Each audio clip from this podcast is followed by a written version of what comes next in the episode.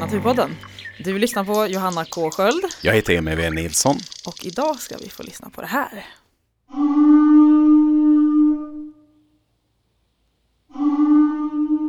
Om man tittar ut över åkrarna här, då kan man liksom tänka sig att det var hav under den tiden som, som bronsåldersfolket levde här. Ja, så var det ju. Här kan du smörja in, får du plats med en hel portion gröt. Eller Ja, här var en rejäl skådsten, det var det. Verkligen. Och sen enormt med skepp, tätt, tätt packat Ja, med det skepp. är ju en hel här. Ja, som, och de går nästan in i varandra. Ja.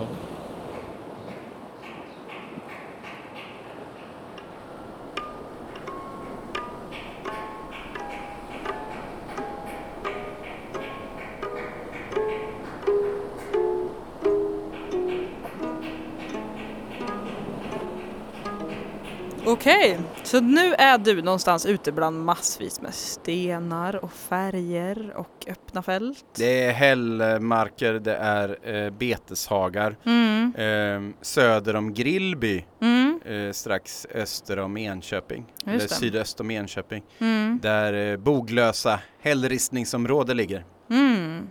Och varför är det så himla spännande då?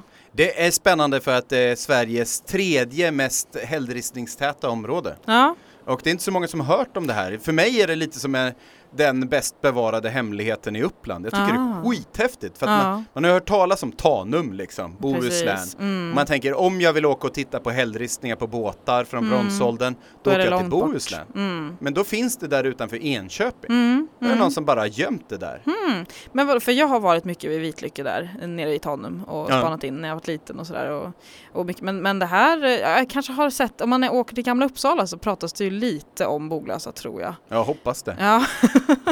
Eh, men annars så är det som du säger inte så väldans mycket om det. Nej, och där finns alltså hällar som är helt pepprade med hällristningar. Men, och, Och mm. så finns det jättestora Brandskogsskeppet som är ett sånt här bronsåldersskepp men det är 4,2 meter långt. Mm. Och så är det liksom gjort snyggt. Det är inte så här, du vet, streckgubbar Nej, utan det är liksom det är helt... mjuka former och djurhuvuden och sådär. Ja, just det. Ja. Hmm, som, som är målat på en enorm häll då? som- Ja, ja. Men är det markerat? Hur hittar man hit? Jag tänker om man skulle vilja åka dit själv och inte ha någon jättekoll på läget. Liksom. Ja, men nu har man då gjort en del av Upplandsleden så att man kan gå genom Mm. tre sådana platser med väldigt många hällristningar. Mm. Själva Brandskogsskeppet får man ta sig till Okej. själv, men, men eh, Hemstahällen, Mm. Stora Rickebyhällen Mm. och Rickebyhällarna. Mm. Där går liksom Upplandsleden nu så man Mm. kan vandra emellan. Just det. Innan har vi tipsat om utflyktstips i utflyktsprogrammet. Men Mm. i den närmaste tiden nu så är det inga utflykter. Men, men om man står där och är, känner att man vaknar upp på morgonen och är lite osäker på men man skulle vilja hitta på någonting och komma Ja. ut någonstans till något nytt. Ut i spenaten. Hur Ja. gör man då? Ja men har då ska man tips? gå in. Det finns nämligen en väldigt bra app som heter Naturtipset. Så den tycker jag man ska skaffa och den är väldigt lätt att använda också. Man kan gå in, jag har Naturtipset här på min telefon Ja, och glider man in där så här.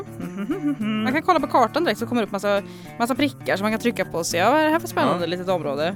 Ta något här lite norr om Uppsala här. Och ja, Fullerö backar till exempel kan man åka till och ha det väldigt trevligt ställe. Ja. Om man vill åka till Boglösa hällristningsområde som Mm. det här avsnittet kommer handla om. Mm, Då kanske det bästa är att ladda ner appen för Upplandsleden just det. eftersom den går genom tre av de här områdena. Mm, mm, Och den är också gratis. mm. Do it.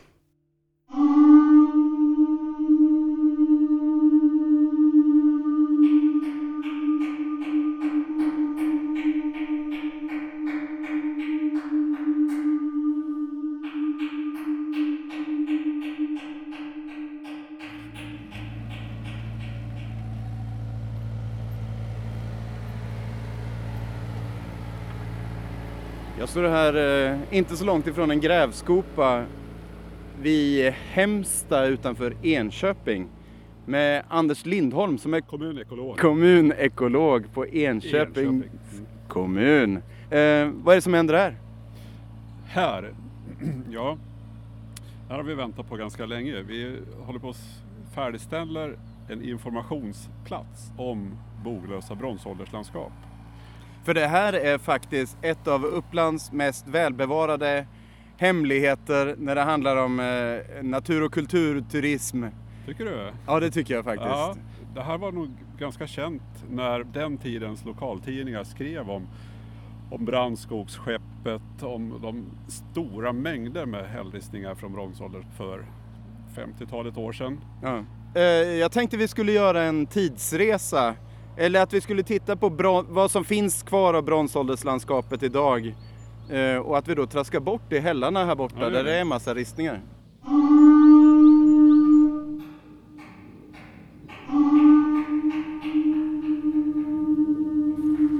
Vi går nu på en eh, traktorväg. Här är en eh, stor eh, Loge, loge här. röd, faluröd loge. Svarta portar. Och så ska vi gå in i betesmarken. Kanske blir det bättre radio om du klättrar över taggtråden än om du går genom stättan. blir bättre radio. Visserligen har jag ju redan haft de barn som jag, mm, som jag tänker mig. Nu tar vi den här, Ja. nu tar vi den här genvägen här. Ja. Ja, jag klarar, klarar juvelerna. Jo, nu har vi, tog vi genvägen här in i, i det bästa av betmark, betesmarken här. Artrikaste partiet. Ja just det. Ska vi, om vi höjer blicken nu då. Så det här är enbuskar, ganska glest med enbuskad tall på höjden. Där vi kanske når 30 meter över havet. Ja. Sen slutar det åt väster här, bondgården där och dalgången Ja. där vi kallar det Ekaån rinner rakt söderut mot Mälaren. Det här var ju då ett sund, en fjärd, senare en vik till det skärgårdshav som bronsålders folket levde vid.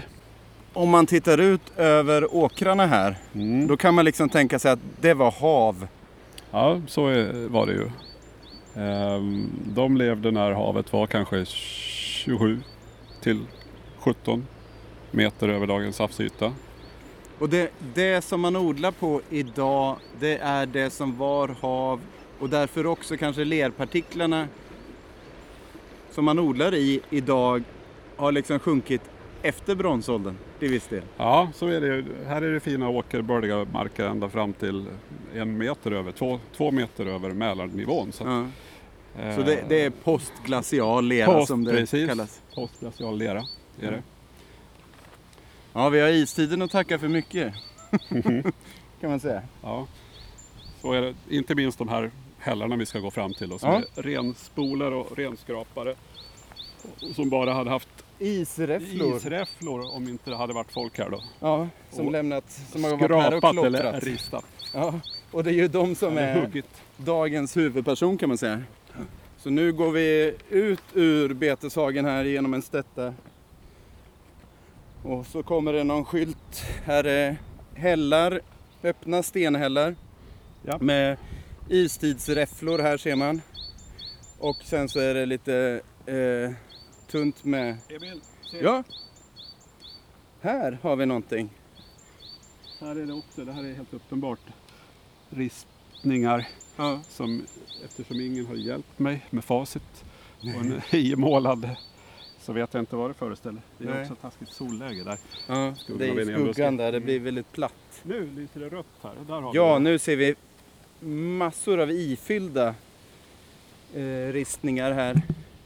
Om jag går fram här så ser jag några märkliga massa streck och någon gubbe och något som ser ut som något djur och, och sen är det en sån där konstig regelbunden form här. Ja. Det har jag sett här borta på den här, Ja. vad heter den, Ricke, Stora Rickeby Stora Rickebyhällen. Ja, Där är en liknande form. ja, just det. Manteln som de kallar den. På Manteln. krönet av Stora Rickebyhällen. Ja. Ja, det är det. Och så där har vi då tranor. Tranor, okej, det är fåglar. Jag tänkte, är det giraffer? Men, men de har bara två ben. Och första människan vi ser. Och en människa också Ja. där ja. Ja, Och för övrigt så är det ju skepp och dess besättning. ja just det här de tolkar jag som en människa. Eh, men den har vi- horn. Ja, har, ja, just det. Där har vi en till. Ja. Det är en sån där männi- människa med horn. Precis. Kallar vi dem. Ja.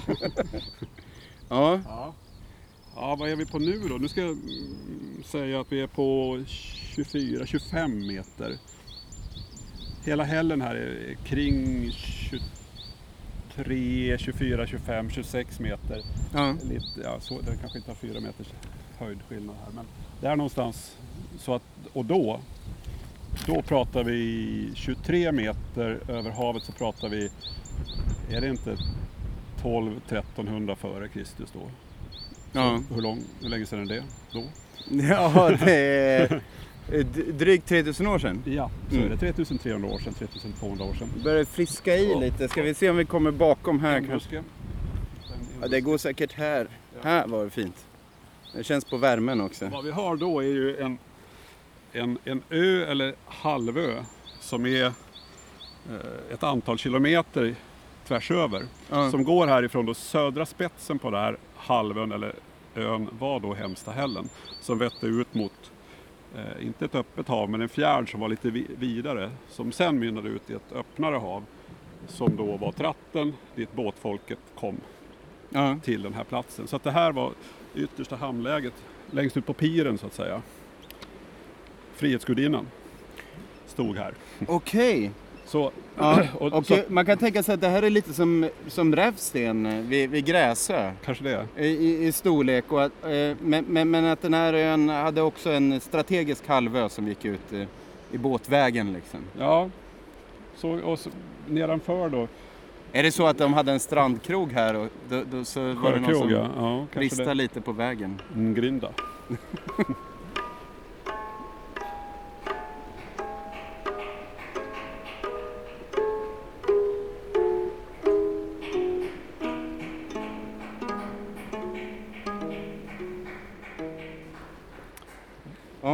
men vi har ju bara, eh, eh, vi är ju bara i början av, av de här hällarna än så länge.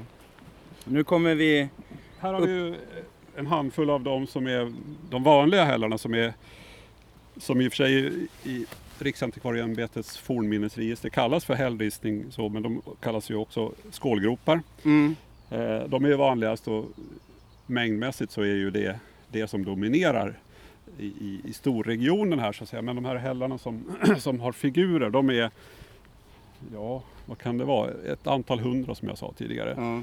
Det, eh, de här skålgroparna det är sånt som man också kallar för älvkvarnar. Ja. Så man inte riktigt vet vad de hade för funktion. Va? Det, jag har hört ryktas om att i Enköpings kommun så Ja, fanns det för typ... Eh, 112 år sedan, ja, början på 1900-talet. ja, någon Mm. som fortfarande använder de här. Ja, smörjde in dem för att hantera sina krämpor kanske. Ja, och jag vet eh, vid kyrkan där jag bor, där fanns det en präst som på 1700-talet beordrade att eh, sådana här stenar med älvkvarnar skulle sprängas för att eh, församlingen efter predikan så gick de ut och smorde de där groparna. Så Ja, att de, det var Gardera liksom, sig lite. Gardera sig. Ja, Gamla och nya gudar. Ja. Och det, det som är spännande är att den här, om, om vi nu kan kalla det religion, det får väl någon arkeolog eller historiker Mm. rätta mig, men, men den är ju äldre än vikingatiden. Det här är äldre än asatron. Men sen är det ju inte Mm. säkert att man, att man använde älvkvarnarna på samma sätt då som man gjorde då i början på 1900-talet i Enköpings kommun. Nej, så var det kanske manualen för liturgin hade kanske försvunnit. Kanske.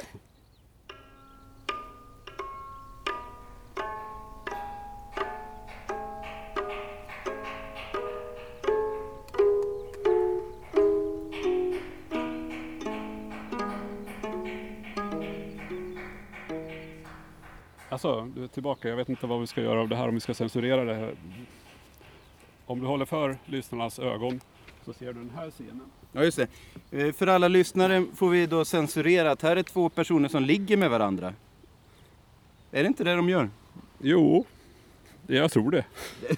Så Jo. den här scenen har kallats bröllop, bröllopet eller Den bröllopsnatten. är ganska anonym. Den, alltså, den akten så att säga, är ju ganska central i människans liv och borde ha kanske tagit större plats. Här ligger den mellan, strax under en gris, strax bakom en människa som tittar bort.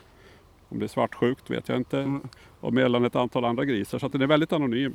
12 centimeter i höjd, det här paret. Ja.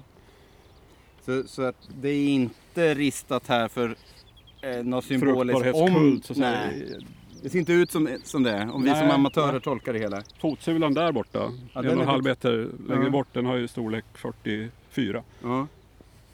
Det är alltså fötter här också och det är skepp och det är grisar eller vildsvin och, och sen en del lite mera grafiskt, alltså vi symboler liksom. Solbärare eller om det är sköldbärare.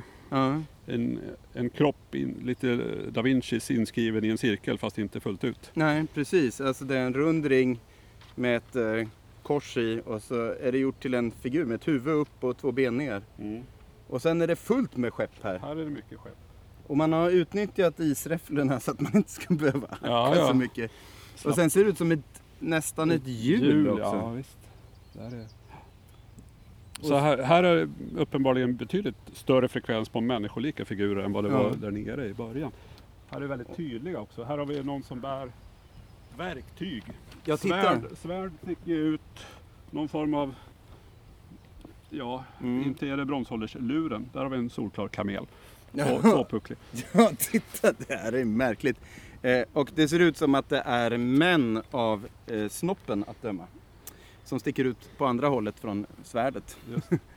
Och sen har vi ett enormt skepp. Det här, här det, det, det är här man undrar, är det, det är jättelångt men har de slutat liksom rista? Ja, just det. Det som man att det man har riktigt- fyllt på med 7-8 pers i besättningen. Sen har man inte orkat längre. Ja. I aktern dessutom. Ska vi ta lite sånt där som lever? Ja. Ja, för att det man ofta inte tänker på det är att de här platserna där det finns lämningar från bronsåldern, eh, de är ofta platser där det finns väldigt fin flora också. Och i, ibland kan man nästan tro att delar av floran, och det tror jag inte är omöjligt, är kvar sedan bronsåldern. För det har säkert varit betesmark här. Oj, titta vad jungfrulin här. ja, det är fantastiskt. Helt makalöst mycket. Här är blålila på marken av, av jungfrulin. Oj, titta låsbräken också. Precis, ja, det är väl den, lite grann därför vi gick, gick över taggtråden. så Du att hade säga. en plan här redan. Yes, ja. Kolla vad coolt. Det, låsbräken är ju en väldigt liten ormbunke som sticker upp ur marken och har ett fint litet blad och sen kommer den här Det är massor av den. fertila biten där de ska släppa sporer sen. Och det, det eh, berättar ju att det är väldigt eh, en betesmark med höga naturvärden. Ja, och just här har vi då, det är lite speciellt. Det här är ett naturreservat, Hemsta naturreservat. Det ägs faktiskt av, inte staten som ofta naturreservat ägs av, utan, och det är inte heller direkt privat, utan det är föreningsägt. Jaha. Naturskyddsföreningen Enköping Ja, äger och förvaltar det här. okej. Ja. Nu står jag här med Monica Jakobsson som är med i Naturskyddsföreningen, med i Hembygdsföreningen och eh, också arrendator här i Hemsta, Hemsta. naturreservat. Naturreservat. Hej, vad kul att få prata med Ja. dig. Ja, detsamma. Så det är dina djur som gör så att vi kan få den här blomsterprakten som jag precis har tittat på. All jungfrulin och kattfot och backsippor och allting. Ja, det är det. Ja. Och går de här nu? Idag är det 30 maj. Nej, idag går de inte här. Nej. De går i en annan hage nu. Okej, Jag har inte haft ut alla heller riktigt. än. nej. Men ganska snart ska de Ja, på här. det ska de. Ja. Brukar det funka bra? Ja, för det mesta så. Ja. Men nu är det nötboskap. Är det Ja. köttdjur? Ja, det är det. Va- Dikor. Okej. Fjällkor. Fjällkor, inte Mm. fjällnära utan fjällkor. En fjällkor. Ja. Eller kullkor kan man säga. Ja, så de är kulliga, de har inga horn. Nej. Ja. Nej. Ja, de brukar ju vara rätt snälla också. ja, det är de. Ja. Men just det, och går de med kalv också? Ja, vissa gör det. Ja, Mm. Sen är det ungdjur och ungdjur sen har också. vi tjur med. Men han får inte gå i de här hagarna där folk går. Nej, de tjurar kan vara lite Tjuriga. oberäk- tjuriga, oberäkneliga. Eh, hur länge har du betat här då? Ja, jag har betat mina djur sedan 94 någon gång. Ja, För det var det min pappa och farbror som hade mjölkkorna här. okej. Ja. Så du har följt eh, hagen Ja, det kan man tiden? säga. Ja, det kan man säga. Ja. Sprungit och plockat smultron när jag var liten. Ja. Mm. Är det goda smultron här? ja det är Ja, jag kan, jag kan tro de brukar bli sådär extremt söta. Ja, Ja, men det är några veckor kvar. jo, det är Eh, har det förändrats någonting över tiden eller har det sett ungefär likadant ut? Det ökar med blommor mer och mer Det gör varje det? år tycker jag. Ja, Nu är det jättemycket kattfötter och sånt. ja. Det var det liksom inte tidigare. hela, Nej, hela mattor liksom. Så när bildades det här naturreservatet? När, när, när tog Naturskyddsföreningen över? 69 tror jag de 69. köpte. Ja. Ja men vad roligt och jättetack. Ja, och, och, det, och jag får tacka för blomsterprakten också för det var helt enorm faktiskt. Varsågod. Jo då, det är jättemycket nu. Det är, ser man på en liten ruta så är det planta på planta på planta. Ja, och så här mycket jungfrulin vet jag inte att jag har sett på kanske någon gång. Och det är inte bara jungfrulin eh, eftersom den här eh, våren har varit som den har varit så, så är det mycket som blommar. Här har vi blåsuga och sen så har vi mandelblom fortfarande också. Knölsmörblomma. Eh, Teverånikan har satt igång. Svartkämparna blommar. Ja, det Där går fort du, nu. där har du mindre Ja, mindre guldvinge också. Och där den kommer ifrån, så att säga, larverna kommer ifrån. Är det, är Bergsyran, Det, bergsyra. bergsyran där som lyser lite rött i kanterna på berghällarna. Ja, just det. Så det, okej, bergsyra är värdväxt för mindre guldvinge. Är det, är det så? Ja, så ska det vara. Okej. Möjligtvis också ängssyra.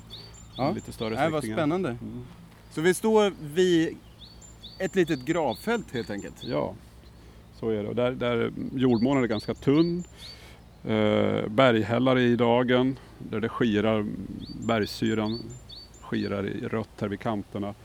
Eh, och sen så i kanten av berghällen så är det ja, i princip bara gravhögar. Så det är kultur, kulturmark, förhistorisk mark, störd. Men det, det här är alltså lätt väldränerat.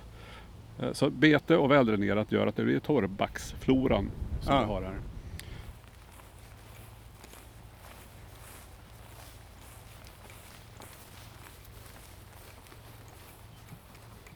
Nu går vi på en, en eh, vandringsled som har funnits, eller en stig som har gått fram från parkeringen vid Hemsta naturreservat fram till Hemstahällen.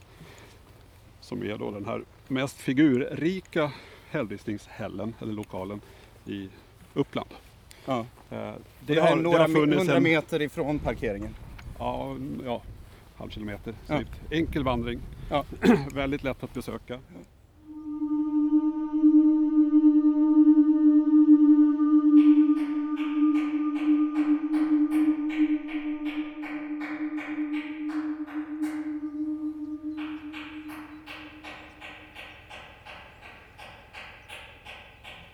Jag står här med Örjan Emanuelsson från Boglösa hembygdsförening. Och ni har varit drivande i det här informationsprojektet. Hur, hur började det här egentligen? Ja, det var så att vi hade här i Boglösa en hällristningsgård som hade utställning om hällristningarna här som är i området. Vi har en ovanligt rik hällristningsförekomst här i trakten. Ja. Sen fick vi lov att lägga ner den på grund av ekonomiska omständigheter. Men vi tyckte i alla fall det behövdes en eh, plats där man kunde informera om hällristningarna. Och eh, efter mycket utredande och eh, diskuterande så fann vi det lämpligt att ha den här i Hemsta. Då kunde man informera både om det unika naturreservatet Hemsta hagar och de hällristningar som finns här. Jag tycker det var jättebra eh, tänkt. Vi har just gått igenom hagarna här och varit och tittat på alla hällristningar och det är otroligt vackert. Ja, Men eh, är det bara hembygdsföreningen som varit drivande i det här projektet Nej. eller är det flera parter? eh, vi har liksom bara varit initiativtagare och jobbat med det här. Men här Det är är även eh, Upplandsstiftelsen och eh, Enköpings naturskyddsförening som är markvärd. Och sen har vi Enköpings kommun genom Anders Lindholm som har varit mycket drivande i det här. Ja. Så det låter ju jättebra och, och nu är det alltså dags för det här eh, hällristningsområdet att verkligen bli, bli lite mer känt i vidare kretsar. Det är otroligt fint och otro, otroligt rikt också. Det tredje eh, rikaste hällristningsområdet i Sverige. Ja, just det. Och det tämligen okänt vad jag kan förstå. Men Inte för Det- er, men nej. för, för mig. För, för, mig för den eh, breda allmänheten så Ja, borde det vara mer eh, välkänt helt enkelt. välkänt. Ja. Och det ligger ju ganska strategiskt till. Det är ju inte så långt ifrån E18. Det går ganska fort att ta sig från Stockholm hit. ja, visst. Du, jättetack så mycket. Mm, tack så Vad mycket. kul att jag fick prata med dig. Tack, tack.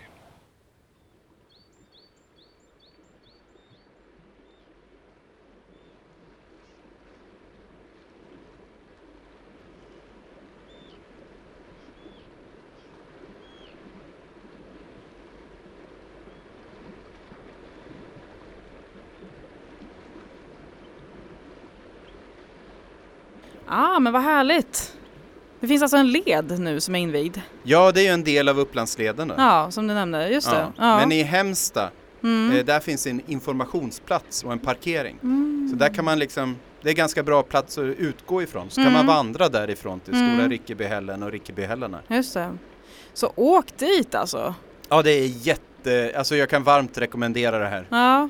Det är så jäkla häftigt. Men eh, när ni tittar på hällristningarna, glöm inte att titta på växterna också. Mm. Och glöm inte att leka att åkrarna är hav. Mm, för det har en gång varit det. Ja, och det stämmer ganska bra då. De här Mm. platta åkrarna man leker, man, man tänker sig att det är vågor istället. Då har man ungefär havslinjen som den var där på bronsåldern. Mm. Åh, vad vackert det låter. Ja, Nej, vad fint. Eller hur? Mm. Men nästa avsnitt av Naturpodden kommer handla om någonting helt annat. Mm. Det kommer vara någonting som jag, som jag inte tror har skett På väldigt länge. på väldigt länge avsiktligt i Uppsala län. Och det är en återinförsel av en art. Mm. Att liksom lägga tillbaka en art som tidigare försvunnit. Mm. Och det handlar om den bredbandade ekbarkbocken.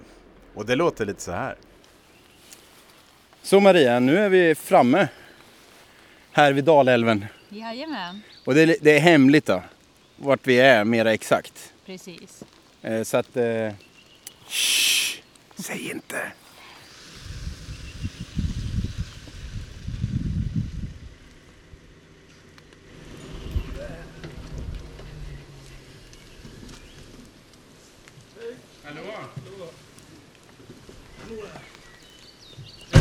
Det bara ramlar ut folk. Ursäkta att jag är sen här. Välkomna. Det är alltid lika lätt att ta sig hit. Anna Molin 34. Hej, Maria. Hej Emil. Men, Hej. Ja, hej. Emil.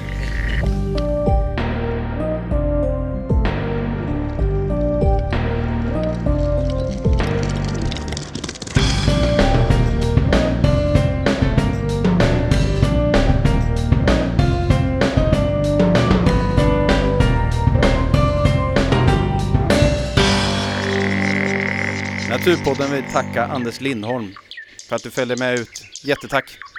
Eh, och vi vill också tacka eh, Boglösa hembygdsförening och Naturskyddsföreningen i Enköping som hjälpte till det. Fina grejer alltså, ideellt arbete. Heja er! Naturpodden produceras av Biotopia. Vi finns på Twitter, Instagram och Facebook. Hör gärna från er. Vi vill gärna höra vad ni tycker och sådär. Ni kan även kontakta oss på naturpodden gmail.com. Ja, vi ser fram emot era tankar.